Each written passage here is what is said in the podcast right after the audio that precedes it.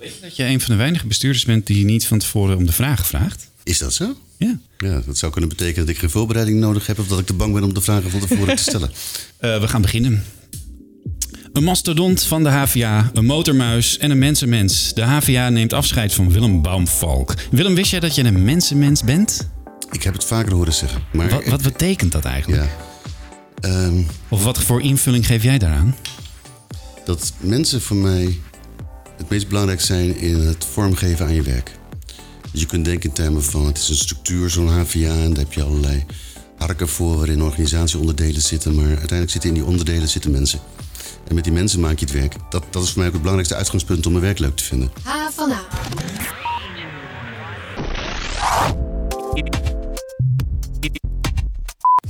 Ja, fijn dat je luistert naar onze podcast. We praten elke week door over het nieuws op en rond de HVA. En uh, mijn naam is Daniel Rommens. En, uh, naast mij aan tafel zit redacteur Kiri Stuy. Hallo Kiri. Hallo. En het nieuws van deze week, uh, dat was niet zo heel veel. maar vorige week kregen wij te lezen dat Um, Willem Baumvalk stopt als decaan. Uh, dus deze podcast is iets anders dan je van ons gewend bent. We doen geen andere nieuwtjes, uh, maar we praten een half uur met één gast. En dat is dus Willem Baumvalk. En hij is nu op dit moment decaan van de faculteit Business en Economie, maar dus niet meer voor lang. En deze bestuurlijke veteraan verlaat na 17 jaar de HVA. Tijd voor een afscheidsinterview. Willem, welkom. Uh, wat fijn dat je er bent. En van harte gefeliciteerd met je nieuwe baan. Wat ga je doen in september? Ja, leuk om hier te zijn. Dankjewel voor de uitnodiging. Uh, ik word uh, voorzitter van een zogeheten voortgezet onderwijskoepel in Noord-Holland. Noord-Kennemerland heet dat. Is dat een hele chique school? Nee, het is een, ik vind het gevarieerd. Want het is een, het is een optelsom of een combinatie van praktijkgericht onderwijs in Heemskerk, uh, tot aan de gymnasia die in Kastrikum zitten. Oké. Okay. Dus een heel breed spectrum. En uh, ik kort, uh, vat heel even kort samen jouw carrière hier op de HVA. Want jij startte hier in 2002 um, als directeur social work. Wat deed je daar toen precies? Ja, toen ik eraan begon wist ik het zelf ook niet uh, helemaal. Oh. Uh, ik, ik, werkte in Utrecht en was daar uh, opleidingsdirecteur van een opleiding bedrijfskunde. En kreeg de vraag of ik in Amsterdam wilde komen om leiding te geven aan een instituut dat heette Sociale Agogische Opleidingen. Ja. En het woord sociaal agogisch was voor mij niet een woord waar ik heel veel duiding aan kon geven. Nee. Maar ik ontdekte al heel snel dat het eigenlijk de combinatie van de sociale academies van voorheen was. Oké, en later werd dat de faculteit Maatschappij en Recht. Ja. Uh, uh, daarvoor was het nog domein en toen werd je ook domeinvoorzitter daar. Ja, Belgisch um, woord. Ja. Wat zeg je? Belgisch woord. Wat bedoel je? Ik heb het altijd een heel raar woord gevonden. Domein staat voor iets inhoudelijks. Ja. En als je dan voorzitter van iets inhoudelijks wordt, uh, dan, dan, dan raak je de structuur van een bedrijf kwijt. De faculteit was toen eigenlijk het woord wat niet gebruikt mocht worden, omdat aan de universitaire kant men al faculteiten had. Ja. Oh, ja. En wij aan de HVA dan geen faculteiten mochten hebben. Oké, okay, maar daar gaan we het straks nog even over hebben. Uh, want uh, jij werd van de faculteit Business en Economie uh, de decaan ja. in 2006. En nou, je, je, hebt eigenlijk een hele lange tijd als bestuurder hier bij de HVA gezeten. Met welk gevoel ga jij weg? Weemoed en plezier. Oké. Okay. Ja, weemoed is je laat na 17 jaar ontzettend veel achter. Uh, de mensen. Uh, Ja. De mensen met wie ik heel graag werk. Ik ben een mensenmens. Um, uh, wat ik ook achterlaat is drie hele mooie blokken van ervaring. Binnenkomen en leiding geven aan wat ik dan noem die sociale academies van voorheen. Heel kleinschaliger, maar uitermate boeiend. Hele leuke mensen. Dan die groei naar die faculteit. maatschappij en recht. Ook een groot blok in mijn werkzaam leven. En dan die laatste vijf en een half jaar economie, een feest. Ja. Ja, dat Een had ik feest. Achter. Ja, een feest. Maar misschien ook wel leuk om even te, uh, te vragen voor de mensen die jou niet kennen. Wat voor type bestuurder ben jij eigenlijk? Wat is jouw stijl? Ik heb ooit een keer een interview gegeven aan Folia. En dat is een soort voorloper van het gesprek wat wij nu voeren. Uh, Daniel noemde net dat heette de...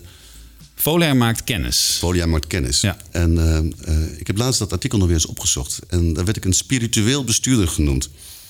Geweldig. Wow. Ja, en wat is dat dan precies? Uh, uh, maar dat ging eigenlijk wel over. Uh, kijk, ik ben, ik ben een zwaar geseculariseerde, gereformeerde jongeling. ik ben niet meer gelovig, in ieder geval niet meer bij een kerk. maar ik, ik heb wel geloofsovertuigingen. Van waaruit ik werk, van waaruit ik met mensen werk. daar ben ik ook heel duidelijk in. Over wat respect is en wat normaal is. En dat heeft me altijd wel gekenmerkt. Dus, dus de wijze waarop ik opereer, ook binnen de HVA, is volgens mij een stijl waarin ik heel graag en er ook echt mijn best voor doe, authentiek wil zijn. Wat is respect en wat is normaal, volgens jou? Respect is volgens mij dat je eh, heel erg goed weet wie je tegenover je hebt. En, eh, en wat dat voor mensen zijn en wat hun beweegt. En wat hun belang is. En dat je die belangen weet te wegen. En dat je niet voor je eigen belang gaat. Een nieuw woord daarvoor is vaak ook wel dienstbaar leiderschap. Nou, dat is niet echt mijn woord, maar eh, ik geef wel leiding vanuit de overtuiging dat er altijd iemand is aan wie je leiding geeft. En dat je dat niet doet op basis van macht, maar op basis van erkenning en respect. En dat normaal is eigenlijk heel eenvoudig. Ehm, je kunt grote verhalen hebben over waar het allemaal heen moet, maar aan het eind van de rit uh, heb je ook gewoon de normale gang van zaken, de dagelijkse gang van zaken. En moet je de grote verhalen weer klein weten te maken. Zodat het begrijpelijk is voor de mensen die eh, beleid moeten uitvoeren? Of? Ik kan me nog herinneren toen ik bij economie kwam. Toen, toen stond er uh, in een van de documenten die ik als eerste las... Uh, dat DEM heette het toen, domein economie en management... de best business school wilde worden. En daar had ik helemaal niets mee. Zeker niet als je keek naar waar het stond op dat moment, die faculteit. Uh, maar ook omdat het een ambitie is die niet bij ons past. De best business school van Nederland. Daar ben je Nijenrode van mijn part. Maar ja. en niet, niet als je HVA bent met onze maatschappelijke opdracht. Oké. Okay. Doe normaal. Ja. Op, op, die manier. Beetje VVD, doe normaal. Ja, ja, ja, mijn profiel is niet echt VVD, denk ik. Okay. maar het woord kun je ook in andere contexten gebruiken. Ja. jij gaat nu dus werken als voorzitter van het college van bestuur bij het uh, Kennemer uh, scholengemeenschap Kennemerland, moet ik natuurlijk zeggen. waarom deze switch? Ik, ik, heb het verhaal de afgelopen twee weken aan heel veel mensen verteld. Dus uh, onderbreek, onder, ik heb heel veel kunnen oefenen en onderbreek als het te lang gaat duren. Um, maar er zijn verschillende invalshoeken voor het verhaal. Uh, dat is één invalshoek is, ik ben 58. Uh, als ik nog vier jaar bij economie blijf, ben ik 62. Ehm, om dan nog een andere stap te maken, is best ingewikkeld. Dus dit is een heel mooi momentum om nog een stap te maken waar ik echt nog een jaar of acht, negen in kan investeren. Zo heb ik ook die gesprekken met hun gevoerd. Hè. Ik kom niet voor een paar jaar en zij zoeken ook zeker niet iemand voor een paar jaar. Ze zoeken iemand die voor langere tijd, na acht, negen jaar is een mooie tijd, uh, zich wil verbinden. Dus dat is verhaal 1. Persoonlijk verhaal 58. Prachtig om uh, een laatste stap te maken, feitelijk. Ja. Uh, met die stap hangt samen overigens dat ik het ook heel leuk vind om aan het eind van die acht jaar een afscheidsspeech te houden. En dan in die afscheidsspeech te kunnen vertellen: ik heb ook in het HBO gewerkt. maar ook andere dingen gedaan. Ja. En dat is het tweede verhaal. Uh, ik ben psycholoog van huis uit. Ben na mijn eh, studie gaan werken bij de Belastingdienst. Het volwassenenonderwijs. Ik gaf uh, trainingen aan deurwaarders in omgaan met agressie. Uh, ik ging met, ik was 27.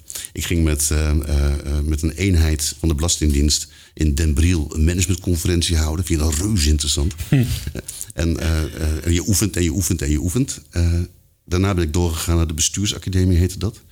Um, ook een soort bureau wat um, uh, onderwijs verzorgde voor gemeenten, waterschappen, ministeries. Allemaal volwassenenonderwijs. Dus ik zat echt in die hoek van het organiseren en uitvoeren van complexe onderwijsprogramma's. Ondertussen was ik al elf jaar lang lid van een bestuur van een basisschool. Uh, dus het basisonderwijs. Ben ik acht jaar lang voorzitter geweest van de Raad van uh, Toezicht van Altra, een jeugdzorginstelling hier in Amsterdam. Mm -hmm. Met een grote poot speciaal onderwijs. Daar had ik ook van alles mee. Uh, dan het HBO ernaast. En dan heb je een soort breed palet aan, uh, aan opleidingen uh, en scholingen die je kunt meemaken in je loopbaan. Ik heb eigenlijk heel veel gezien. Primair onderwijs ja. niet. Het WO, nou ja, via de samenwerking met de UvA wel. Ja. Maar het WO had ik nog niet gezien. Hey, ik hoor ook wel heel veel bestuur erin voorkomen, veel bestuurlijke functies. Heb je dan nooit gedacht van, oh, dat HVA-college van bestuur, dat zou ik nou ook wel eens willen doen? Nou, dat is een verhaal apart. Oh, hoezo? Dat wil ik wel horen. nou, het is een publiek geheim dat ik, dat ik ooit mijn belangstelling heb uitgesproken voor uh, het college van bestuur hier in Amsterdam. En dat is niet geworden. En uh, toen heb ik het boek dicht gedaan. Letterlijk heb ik het ook zo verteld. Ik, Ja. uh, ik wilde het graag. Het, het, zag er best leuk uit en het heeft er heel lang heel leuk uitgezien. Maar uiteindelijk ging het mis. Ja. En toen heb ik de deur dicht gedaan. Boek ook dicht. Met wat voor jaar. gevoel, Sorry. oh sorry, En Nee. met wat voor gevoel kijk je daar dan op? Kun je nu zeggen van, nou, dat is ook een gesloten boek, dat is klaar. Maar, of, of zit er dan toch iets van, eh, oh shit, dat is toch wel jammer. Ja, het was toen jammer.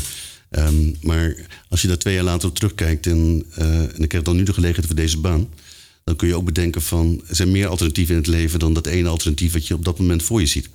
En eh, eh, dan is dit misschien wel een veel leukere keuze en een veel mooiere keuze voor mij dan, dat dan dat het andere alternatief er was. Maar ja, weet je, het was toen jammer. Ja. Natuurlijk. ik kan me voorstellen, na zoveel jaar, 17 jaar bij uh, dezelfde organisatie, zeker ook als bestuurder, dat je op een gegeven moment denkt van nou, het is ook misschien goed om naar een andere organisatie toe te gaan, toch? Zeker weten. Ja, en misschien is het voor de HVA, voor de organisatie ook goed dat er op een gegeven moment een nieuw gezicht op een faculteit weer komt. Zeker weten. Ja. Um, 17 jaar HVA. Ehm, ik kan me heel goed nog herinneren in 2015 toen ik bij, uh, in het Koonstamhuis studeerde. Toen was er uh, dat kleine café De Pit oh, ja. onderin het Theo Thijssenhuis. Dat toen nog niet zo heette. Ja. ja. Ja, klopt. En um, uh, het is trouwens heel leuk dat je in het oude belastingkantoor dan bent gaan werken. Toen ik heb boven in dat gebouw heb ik trainingen gegeven aan de hete bakkenhouders. Ja. En letterlijk had je bakken met klanten. En die moesten dan ook met mensen die dan langskwamen het kaartje uit de bak halen. Oh, en dan vertellen dat de betalingsachterstand toch echt geregeld ja, moest worden. Ja, ja. ja. Dat gaat heel anders tegenwoordig. heel anders. Net zoals heel veel andere dingen. Maar ik ben ook heel benieuwd, hoe heb jij de HVA zien veranderen in zo'n lange tijd? Ja, uh, gigantisch. Uh, toen op het moment dat ik binnenkwam in 2002 was de Hogeschool van Amsterdam. Ik geloof dat ze 18.000 studenten hadden. Uh, dat staat in geen verhouding tot de getallen die later aan de orde waren. Het waren ook heel veel losse instituten, hè? Ja, maar de HVA was ook toen al niet zo oud. Hè? Dat was een fusieorganisatie die volgens mij in 96 bij elkaar kwam. Ja. Nou, daarvoor had je nog weer allerlei andere onderdelen die eigenstandige levens hadden en uiteindelijk bij elkaar komen in iets wat uiteindelijk de HVA gaat heten. En toen in 2002 nog vrij jong was. Ja, ja, klopt. En daarna zie je de groei en zie je volgens mij ook een ontwikkeling die, um, die ik zelf heel erg mooi heb gevonden om mee te maken. En, en, en ja, weet je, dan komt er een tijd, dan denk je, mag een ander het weer gaan doen. Uh, maar de, de ontwikkeling uit wat we dan nu die kennisinstelling noemen. En dat maak ik maar heel simpel door te zeggen: het is de combinatie van en onderwijs uh, en onderzoek. Ja. ja. Um, onderwijs en onderzoek, uh, daar, wordt, daar wordt veel over gezegd over HBO's die zich richten op onderzoek, universiteitje willen spelen. Hoe kijk jij daar tegenaan? Heb jij, heb jij het gevoel dat het ook een soort mini-universiteitje moest worden? Nee, helemaal niet. De, Volgens mij is het heel goed om je te beseffen dat. We hadden het laatste gesprek over de financiering van ons onderzoek. En volgens mij is het heel goed om te beseffen dat de financiering van ons onderzoek gaat op basis van studentenaantallen. En dat zegt de eerste geldstroomonderzoek. En dat betekent dat het bacheloronderwijs het uh, onderzoek financiert. Ja. En dat elke student die hier binnenkomt een stukje financiering met zich meebrengt voor dat onderzoek. Dus weet, weet wiens brood je eet. Hè? Mhm. En op het moment dat je dus uh, onderzoek loszien van, van het onderwijs... en vergeet dat 90% van ons totale budget bacheloronderwijs is... dan ben je fout bezig. Ja. Uh, de koppeling tussen onderzoek en onderwijs is heel belangrijk. Ook als je kijkt naar de functie van lectoren. Hè. Zij hebben anders dan hoogleraren echt de, de, de taak om hun onderzoek in dienst te stellen van het onderwijs dat er plaatsvindt. Op welke manier gebeurt dat op jouw faculteit? Kun je daar een goed voorbeeld van geven? Ik, ik, denk dat je het het beste ziet in, um, op twee sporen. Enerzijds hebben de mensen die zich met het onderzoek bezighouden verantwoordelijkheid om ook de onderzoeksvaardigheden in het curriculum van de opleidingen echt concreet en ook inhoudelijk handen en voeten te geven. Dus niet alleen maar leren wat validiteit is of betrouwbaarheid, uh -huh. maar vooral dat in, een, in de wereld van de casuïstiek levend weten te maken. Ja. Dus praktijkvoorbeelden aan de hand waarvan je als student een gevoel krijgt bij wat die onderzoeksmatige begrippen zijn. Uh, dat, dat, statistiek niet gaat over knikkers in een, uh, in twee fasen, ja, maar dat het gaat over. Het is een voor, ik neem vast een vooruitje op mijn nieuwe baan. Hè? Ja, ja, ja. Waar, het, waar het in het HAVO-curriculum zit als uh, knikkers in een uh, vaasje. Ja, precies. Ja, Maar dat je, het, dat je het begrip statistiek. Uh, en de statistiek leert kennen als de relevantie van de uitkomsten van onderzoek in het kader van waarschijnlijkheid. Ja. dat is een heel ander type benadering. Dus in die zin het onderwijs helpen te verrijken en tegelijkertijd door de onderzoeken die het doet en de maatschappij verder helpen. Daarvoor zitten wij ook in het praktijkgerichte onderzoek maar dat meteen weer terug te brengen in het curriculum. Nou, dat, dat is nog een hele ingewikkelde. Ja, zeker. En dat is ook iets wat in, in ontwikkeling blijft. Ik weet dat er nu weer gesprekken zijn over uh, hoe uh, uh, bijvoorbeeld het promoveren bij HBO-instellingen moet worden ingericht. krijg, jij, krijg je veel van die discussie mee? Of? Ja, zeker wel. Ja. ja. Wat, wat, hoe kijk jij daar tegenaan? Nou, ik vind het eigenlijk een ontzettend leuke ontwikkeling. Maar dan wel op zijn HBO's. Dus, uh, Wat bedoel je daarmee? Nou, uh, promoveren aan zich, de PhD, zoals we dat kennen, die dus bij de Research Universiteit hier in Nederland wordt verzorgd, uh, heeft niet dat praktijkgerichte in zich wat wij als HBO in ons willen hebben. Mm -hmm. um, je hebt ook een ander woord, dat heet professional doctorate. Ja. En dat sluit wat mij betreft veel meer aan bij de eigenheid van het HBO. Dus jouw opmerking van net universiteitje willen spelen, nou het laatste wat we moeten willen doen is dat. Mm -hmm. Tegelijkertijd kunnen we heel veel leren van de wijze waarop onderzoek in het WO tot ontwikkeling is gekomen. Ja. Maar nu ons wel nu ons eigen gezicht eraan geven. Dat is denk ik onze grootste uitdaging. Ja. ja. En uh, hoe, hoe moet dat uh, straks? De afscheid is natuurlijk een perfect moment om ook ongefilterd je mening te geven. Wat moet de HVA na jouw vertrek vooral wel of niet doen? Of, of, laten we het kleiner maken? Wat moet er op jouw faculteit vooral wel of niet gebeuren? Ik, ik denk dat, uh, dat we moeten blijven zien dat onze core business, we hebben het over kerntaken vaak. Hè? Dan zeggen we de kerntaak is onderwijs, maar de nieuwe kerntaak is onderzoek.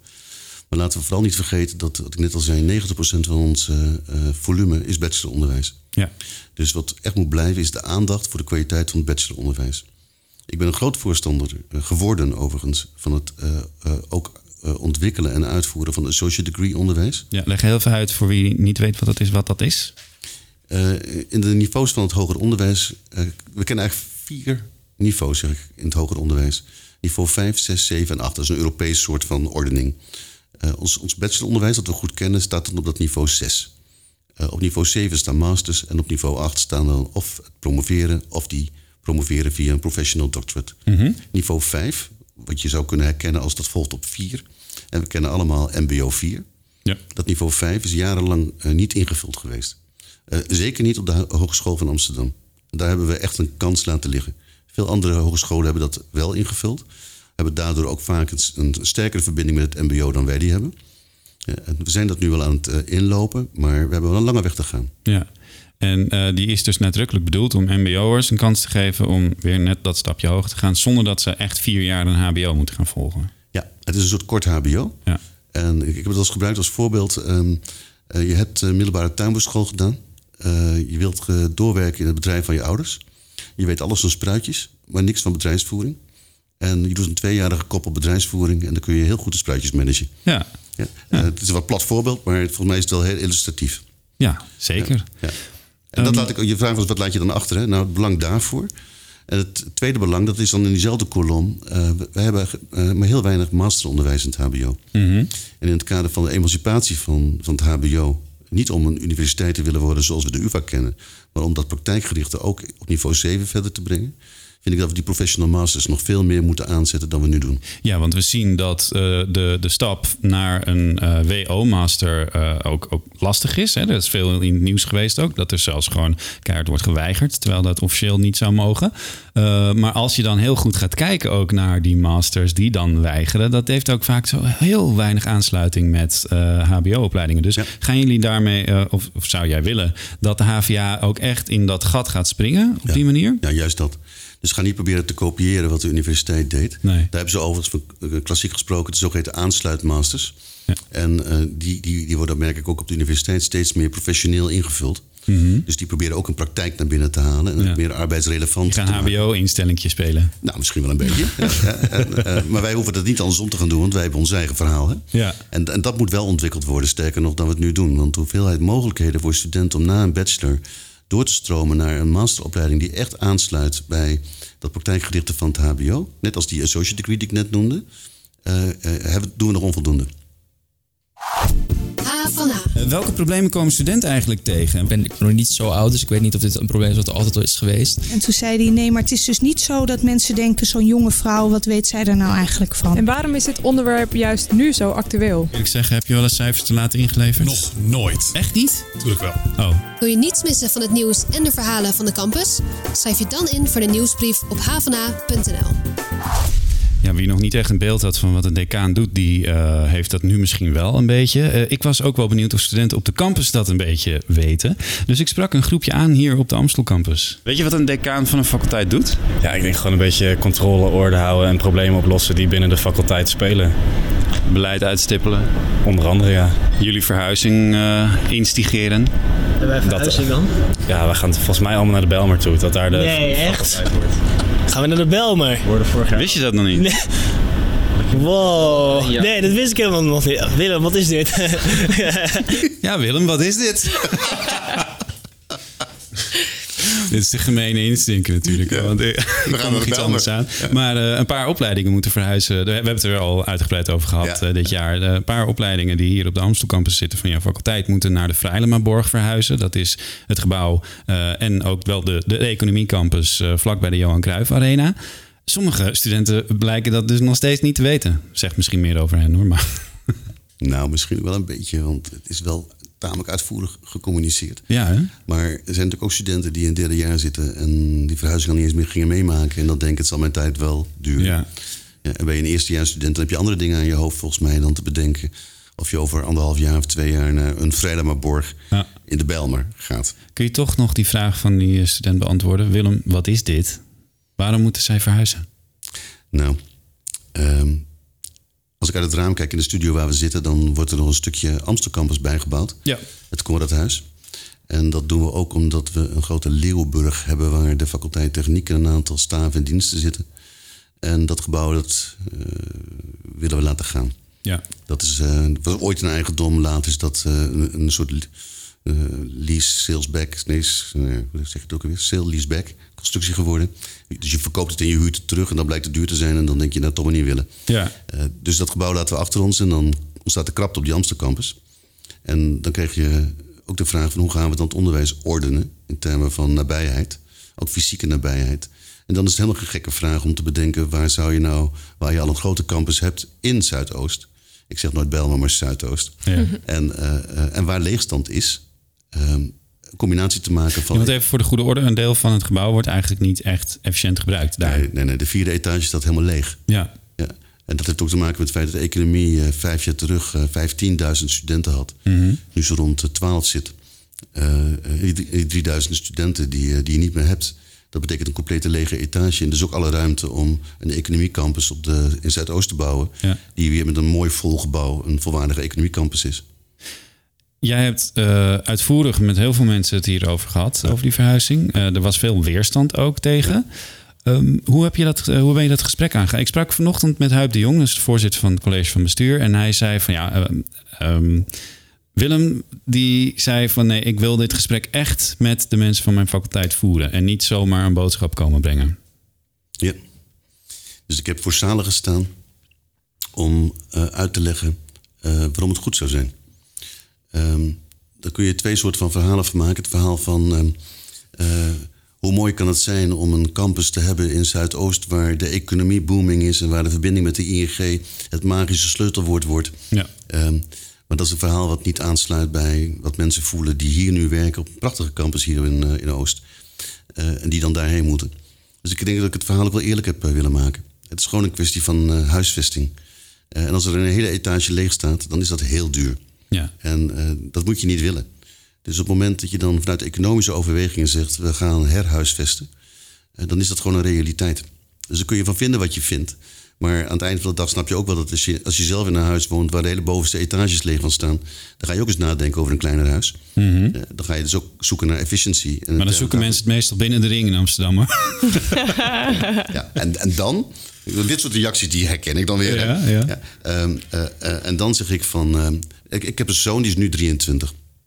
Eh, toen hij een jaar of 14 was, eh, ging ik altijd met hem naar eh, Zuidoost. Want daar had je de Declaton en je had de Ajax. Oh ja, Oh ja. en de Mediamarkt. Ja. En als ik dan aan hem vroeg, waar is het centrum van Amsterdam? Dan wees hij naar Zuidoost. Ja. Eh, toen hij wat ouder werd en naar de kroeg opzocht, toen keek hij naar de andere kant. Maar Amsterdam Zuidoost, weet je, het is, een, het is economisch gesproken de motor van Amsterdam ondertussen. Het is een prachtige plek. Eh, als je er, ik heb er vijf en een half jaar rondgelopen. En als je daar rondloopt, dan, dan, dan zie je eigenlijk iets heel moois. Eh, dus, dus roepen van het is de, de, het is de banlieue van Amsterdam, no way. Gewoon is niet aan de orde. Was dat denk je ook de eh, beslissing waar jij het meeste weerstand op hebt gevoeld? Wel een van de dossiers waar ik het meeste weerstand op heb gevoeld, ja. ja, ja. Eén van. Ehm, ik, ik, ik vind een ander dossier wat ik nog steeds wel ingewikkeld heb gevonden, ook in termen van weerstand, was de situatie die ik aantrof toen ik bij economie mocht beginnen. En waar we eh, ook een aantal bedrijfsmatige problemen hadden, die ook betekenden dat we veel te veel ondersteuning hadden eh, voor deze organisatie en dat we daarin moesten ingrijpen. Wat bedoel je met te veel ondersteuning? Nou, als je een, docent, als je zeg maar, een verhouding hebt tussen docenten en zij die docenten ondersteunen in het organisatorische werken, dan heb je daar een soort van verhoudingsgetal voor. Ja. een faculteit hanteer je dan nou, een soort getal als 25, 75. Dus 75% is onderwijzend en 25% is ondersteunend. Ja. En dat verhoudingsgetal was vijf en een half jaar terug binnen de faculteit eh, uit balans. Eh, dus- en dat, dat had historische redenen door de fusie met de HES en door, doordat er vreselijk veel verschillende soorten opleidingen en opleidingsvarianten waren die heel veel ondersteuning nodig hadden. Maar daarmee was het wel eh, in termen van efficiëntie en ook in termen van effectiviteit een, een, een organisatie die niet klopte. Ja. Hoeveel ontslagen vielen er? Nou, uiteindelijk dus heel erg weinig. Eh, want de, de, kijk, de angst dat het gaat gebeuren is één ding. Eh, maar in de afhandeling, als je dat ook probeert heel zorgvuldig te doen, dan blijkt dat voor bijna iedereen binnen de HVA een nieuwe plek te vinden was. En er waren ook een aantal mensen die zoiets hadden: ik was eigenlijk toch wel van plan om eens wat anders te gaan doen. Of waarom zou ik niet eens wat anders gaan doen? En maak ik van de gelegenheid gebruik om eens wat anders te gaan doen. Eh, dus we hebben uiteindelijk niemand gedwongen hoeven te ontslaan. Eh, eh, we hebben mensen geholpen om nieuwe plekken te vinden. Eh, maar in termen van weerstand die je ontmoet, hè, dat was je vraag, eh, was, was, vond ik dat een complex, eh, complex verhaal. En het verhaal van de huisvesting. eh, ja, als je, me, als je me eerlijk vraagt, ik vind het zelf niet zo'n heel eh, complex verhaal. Ik, ik heb de weerstand gevoeld. hè, En, en, en, en daarmee omgaan is een kunst apart, zullen we maar zeggen. Ja, want hoe doe je dat? Hoe ga je daarmee om? Als mensenmens. Als mensen, mensen. Nou, eh, die gesprekken aangaan. Eh, ook, ook, ik denk dat ik ook wel duidelijk ben geweest in de zin van eh, wat ik net vertelde over de motieven. Eh, eh, ook, ook daar is het gewoon Amsterdam. En dat verhaaltje van buiten de ring A10, daar heb ik gewoon niks mee. En daar ben ik ook wel scherp in geweest. Daar heb ik echt niks mee. En heel veel studenten van ons komen uit Zuidoost. En doe dan niet alsof het een plek is waar je niet doodgevonden wil worden. Dat vind ik gewoon respectloos. Ja. Dus dat soort argumenten, die, daar heb ik niks mee. Dat helpt wel als je duidelijk bent. En het helpt ook als je, denk ik, eh, eh, het gesprek met mensen weet te voeren. En dan kom je niet altijd tot elkaar hoor. Ehm, maar dan kun je wel elkaar standpunt respecteren. Ja. En we kennen jou ook als de man die eh, de studentenbetrokkenheid Ja. wilde vergroten, natuurlijk. Eh, ik eh, las, kwam ook een artikel tegen. In 2016 huurde jij speciaal iemand in om die studievereniging binnen de HVA van de grond te krijgen. Wat heeft dat opgeleverd? Veel. Binnen, binnen economie hadden we één studievereniging. Een hele kleine, bij, uit mijn hoofd zeg ik accountancy. Nu hebben we studieverenigingen voor elke opleiding binnen de faculteit. En eh, dat, dat, dat, dat leeft en floreert. Dat is echt vreselijk leuk om te zien hoe die eh, studieverenigingen tot wasdom zijn gekomen. Eh, oh, ik had Marloes de Nooy, heet eh, eh, ingehuurd. Dat is een oud alumni van de, van de HES. Om, om dat samen met mij te doen. En ja, die, sprak de, dat- sprak de taal van de studenten. Dus die wist ook hoe je gewoon heel nabij dat kunt organiseren. Hoe je enthousiasme kunt creëren. Nou, ik kan het ook wel een beetje. Dus ik weet dat ik mijn dochter op een gegeven moment binnen heb gehaald. Eh, mijn dochter Minke, die eh, eh, eh, psychologie studeert aan de UvA. En daar bestuurslid was van eh, de studievereniging VSPA. Dus Vereniging Studenten Psychologie Amsterdam, zoiets. En eh, die heb ik toen het verhaal laten vertellen over hoe leuk het is, zo'n studievereniging. Eh, aan docenten van de faculteit en ook aan studenten die erbij zaten. En nou, het enthousiasmerende verhaal. Eh, daarna hadden we kerstfeest, weet ik nog. eh, eh, een paar maanden later. En toen hadden we plotseling studieverenigingen. En die hadden allemaal vlaggen gekregen. Je doet het een beetje bombastisch dan in het begin. En, eh, en tijdens die hele grote receptie van de faculteit... kwamen al die studieverenigingen met hun banieren, noemde ik het dan, eh, de zaal binnen. Dat was prachtig om te zien hoe iets wat er eerst helemaal niet was... er plotseling echt helemaal wel was. Ik zie nu een soort Zwijnstein-achtige... Ja. Nee, dat- letterlijk. Ja, ik had zelf die associatie ook. Eigenlijk, eigenlijk wilde ik dat ook een beetje doen. Oh ja. Ja, ja. En, en een paar jaar later zit, ben ik met, eh, eh, met mijn vrouw in Schotland en zitten we in Edinburgh. En eh, dan word ik gebeld omdat eh, de studieverenigingen... die hebben een, eh, eh, een kroegentocht georganiseerd op het Rembrandtplein. En eh, daar, daar- ik denk dat er wel duizend studenten aan deelnamen. Niet alleen van economie dus, hè, maar Nee. ook vanuit gezondheid. En, nou, je kunt je voorstellen hoe studenten van gezondheid en van economie elkaar weten te vinden. Ik denk, ik vraag me nog wel eens af hoeveel huwelijken gaan er ooit uit ontstaan. Hè? Ja. Eh, of relaties. ja. Maar die, eh, eh, toen was het probleem van... eh, oh mijn god, moeten we niet iets doen met veiligheid? En moet meneer Wurts niet in eh, bij worden geroepen om... eh, Meneer Weerts is de veiligheidsexpert van de UvA en HVA. ja, ja, ja, om het de goede banen te leiden. En, eh, maar toen bleek dat eh, de nieuwe Marloes, die heet nu Joan Vlietman... eh, eh, die had het allemaal keurig georganiseerd. En de studenten hadden het ook allemaal prachtig voor elkaar. En er gebeurde helemaal niks. Eh, dat was op zich behalve een heleboel lol. Maar de, de zorg die wij nog hebben, dat wil ik mee wil vertellen... is het is dus geëxplodeerd in termen van enthousiasme... en in termen van volume. Heel Ja. veel studenten zijn nu lid van zo'n studievereniging. Ehm, en, en, en wij moeten wel nog een beetje oefenen... met hoe we daar ontspannen mee omgaan. Ja, ja. ja ik, ik weet nog dat ik eh, eh, laatst ook eh studievereniging heb gesproken. En die vertelde dat ze dus op 5 juli een enorm eindfeest met Ja. z'n allen gaan organiseren Ja. ook. Dus dat ze ook echt het hele jaar door gezamenlijk geld hebben gespaard om dus echt in, eh, West, op het Westergasterrein eh, gewoon een hele plek hebben afgehuurd om daar te gaan mooi, hè? feesten. Ja. Heb je er al zin in, Kiri? Ja, ik, eh, ga er, ik mag erheen, toch? Ga jij er ook heen, Willem? Ik weet het niet. Ik geloof, ik- nee, dat weet ik nog niet. Nee, Hm, nee, Want nee. ik, ik, ik ben even benieuwd. Wat vinden jouw kinderen ervan dat ze altijd als voorbeelden worden aangehaald als jij gesprekken voert? dat weet ik namelijk, dat jij dat veel vaker doet. Ja, maar dat komt omdat ik zielsel van die kinderen houd. En ze bovendien heel mooi ehm, ehm, materiaal zijn. Ja? Ik word dan heel eh, afstandelijk. Oh ja. Ehm, eh, kijk, het verhaal wat ik heel vaak verteld heb... is van do- dochter Bente die hier pedagogiek studeerde. Ja, en ook een tijdje hbo-rechten heeft gedaan en daar uitviel. Dat zeggen we dan in ons jargon. We er gewoon geen, geen ruk aan vond. Ja, maar mij niet durfde te vertellen. En, eh, ja, want papa, weet je, die van de HVA. En, en dus het verhaal van Bent heb ik vaak verteld. Ja. Het verhaal van Minke, die dan, eh, dat heb ik net verteld. Ja, ja. en, eh, en Henk, die studeert in Delft. En ehm, die schiet maar niet op, die is veel te intensief lid van de studievereniging. Oh jee. Ja, ehm, maar het zijn het, ja, ik, gebruik ze, ik gebruik ze graag omdat ik het eh, heel illustratief vind. Ja. Van die N is één voorbeelden waar je natuurlijk enorm mee moet oppassen. Maar aan de andere kant, als ik het verhaaltje vertel, en daar houd ik van, hè, van dat soort verhaaltjes vertellen, dan komt de boodschap wel over. Dat kan ik me goed voorstellen. Eh, over boodschappen gesproken, er zijn een hoop mensen die eh, ook iets eh, aan jou wilden zeggen. Nou, Willem gaat weg. Verdorie. Ja, dat is een ramp. Dat is jammer. Dus eh, ik vind het heel jammer. Ik had een hele goede band met Willem. Ehm, met de Johan Cruijff Academy eh, hebben we altijd eh, veel samen opgetrokken. Johan had ook de uitspraak, eh, alleen kun je niks, je kunt het samen doen. En eh, zo voelde het met Willem. Eh, ik was bij hem. eh, ik zeg, joh, wij hebben studenten die muziek willen maken. Heb jij een ruimte? Heb jij iets waar wij kunnen spelen? Nou, toen zei hij heel simpel, Alex, ik ga er niet in investeren in eerste instantie.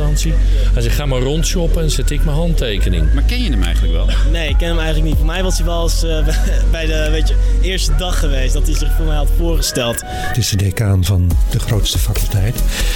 Maar hij eh, draagt ook een aantal hele belangrijke programma's. Hij heeft fantastisch werk gedaan bij eh, student engagement en de opbouw van de studieverenigingen. Ik ben van studievereniging Ace Society. En eh, hoeveel hebben jullie gehad aan Willem Baumvalk? Ik heb hem een aantal keer gezien op eh, bijeenkomsten voor actieve studenten. En daar was hij altijd erg open om in gesprek te gaan. En dat ging ook altijd goed. Dat is ook zijn baan, hè? Want hij, dat is vanuit het bestuur was het zijn taak om jullie betrokkener te maken. Ja. Is hem dat gelukt? Het is over het algemeen wel gelukt om de studenten betrokkener te krijgen, heb ik het idee. Ken, ken jij die man die hier altijd sigaartjes zit te roken met zijn tablet op schoot? Willem Baumvalk, hier wel. Die ken ik. Hoe goed ken je hem? Eén keer een gesprek mee gevoerd en voor de rest groetend op de gang. Ik ken hem van naam en e-mails. En ik heb volgens mij een paar keer gezien in een gang. Dat is alles. Dat hoor ik vaak. Hij, hij loopt veel op de gang, geloof ik. Ze zeggen over hem dat het een motormuis is. Ja, ja, hij mag graag op de motor, ja. Maar zijn agenda dwingt daar ook wel toe, hoor. Want soms zit er zo weinig tijd tussen de afspraken... dat hij echt wel heel snel moet verplaatsen. En zit nadeel natuurlijk met twee locaties. En het is knap dat hij het eh, voor elkaar krijgt dan. Waar, waar wordt hij een beetje boos van? Ehm, nou, als hij eigenlijk een beetje te weinig tijd heeft voor dingen. Hij wil heel graag tijd hebben om de dingen goed te kunnen doen. En heeft hij dan ook wel tijd voor de mensen hier op de werkvloer? Of moet hij juist van afspraak naar afspraak rennen? Nou, hij rent wel van afspraak naar afspraak. Maar het mooie bij Willem is altijd dat hij, als je met hem zit, dan heb je het gevoel dat hij altijd tijd heeft en neemt. De opvolger van Willem Baumvalk. Moet het een man of een vrouw worden? Zeker weten een vrouw. Willem, omdat je de beschermheer eh, bent van het HVA-koor, zing ik hierbij een, eh, een liedje voor jou. Willem, je bent de liefste van de hele wereld. Willem, de liefste van de wereld ben jij. Is het een eh, makkelijk iemand om eh, mee te overleggen? Het is een eh, geweldige collega. En tegelijkertijd is hij heel zakelijk en terecht. Dus op het moment dat er rollen worden vervuld van decaan eh, en college van bestuur en ergens staat een euroteken, dan eh, is Willem ook heel scherp. Jij bent de beste voor mij. Er komt Arno Grunberg. Ja. Zou jij nog iets aan willen toevoegen? Nee, ik ken je niet Willem, maar ik, ik als, als, als Martin zegt dat jij de liefste van de wereld bent, dan ga ik er helemaal mee in mee. Ja, Willem, veel op de gang, rennend van afspraak naar afspraak. Wel tijd willen maken voor mensen. Sigaartjes. En zelfs een persoonlijke boodschap van Grunberg. Ja. Ik zou die mooi kunnen samenvatten, geloof ik. Ik, eh, ik ben eigenlijk ook heel erg benieuwd naar jou als persoon. Ja. Want ehm, eh, je hebt eh, de nodige veranderingen binnen de HVA gezien. Maar ik kan me voorstellen dat je in die 17 jaar ook zelf ontwikkelingen hebt doorgemaakt. En als je nu kijkt naar hoe jij nu bent, in wat verschil jij dan ten opzichte van toen jij hier in 2002 begon? Leuke vraag. Ik ben eh 17 jaar ouder. Ehm, 17 jaar meer ervaren. En waarom, waarom merk je dat nou? Hè? Ehm, nou, een van de dingen weet ik is eh, dat ik... Ik weet nog dat ik net begon in Amsterdam en een toespraak moest houden.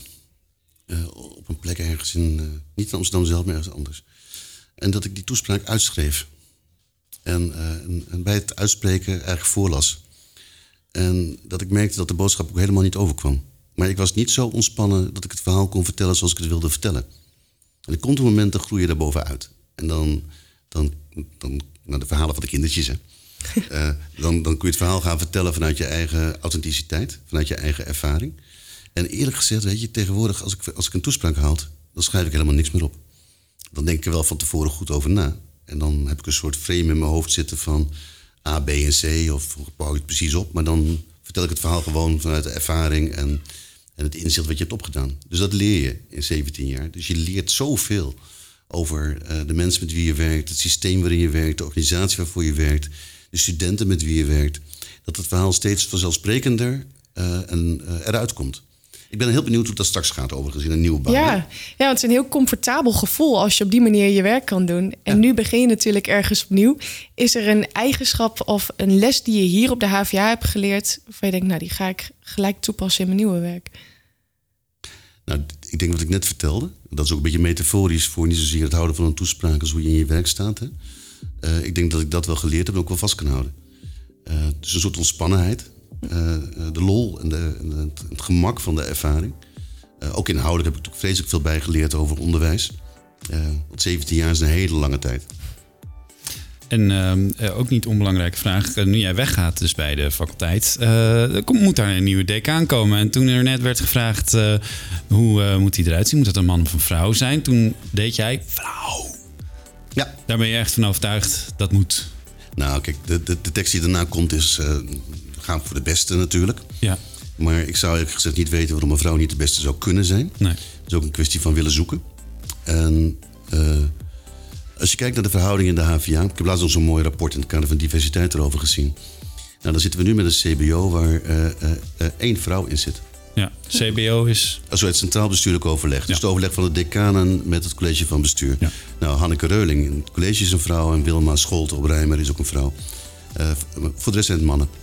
En is het dan ook iemand die een, eh, een, een niet-westerse achtergrond bijvoorbeeld heeft? Of is dat...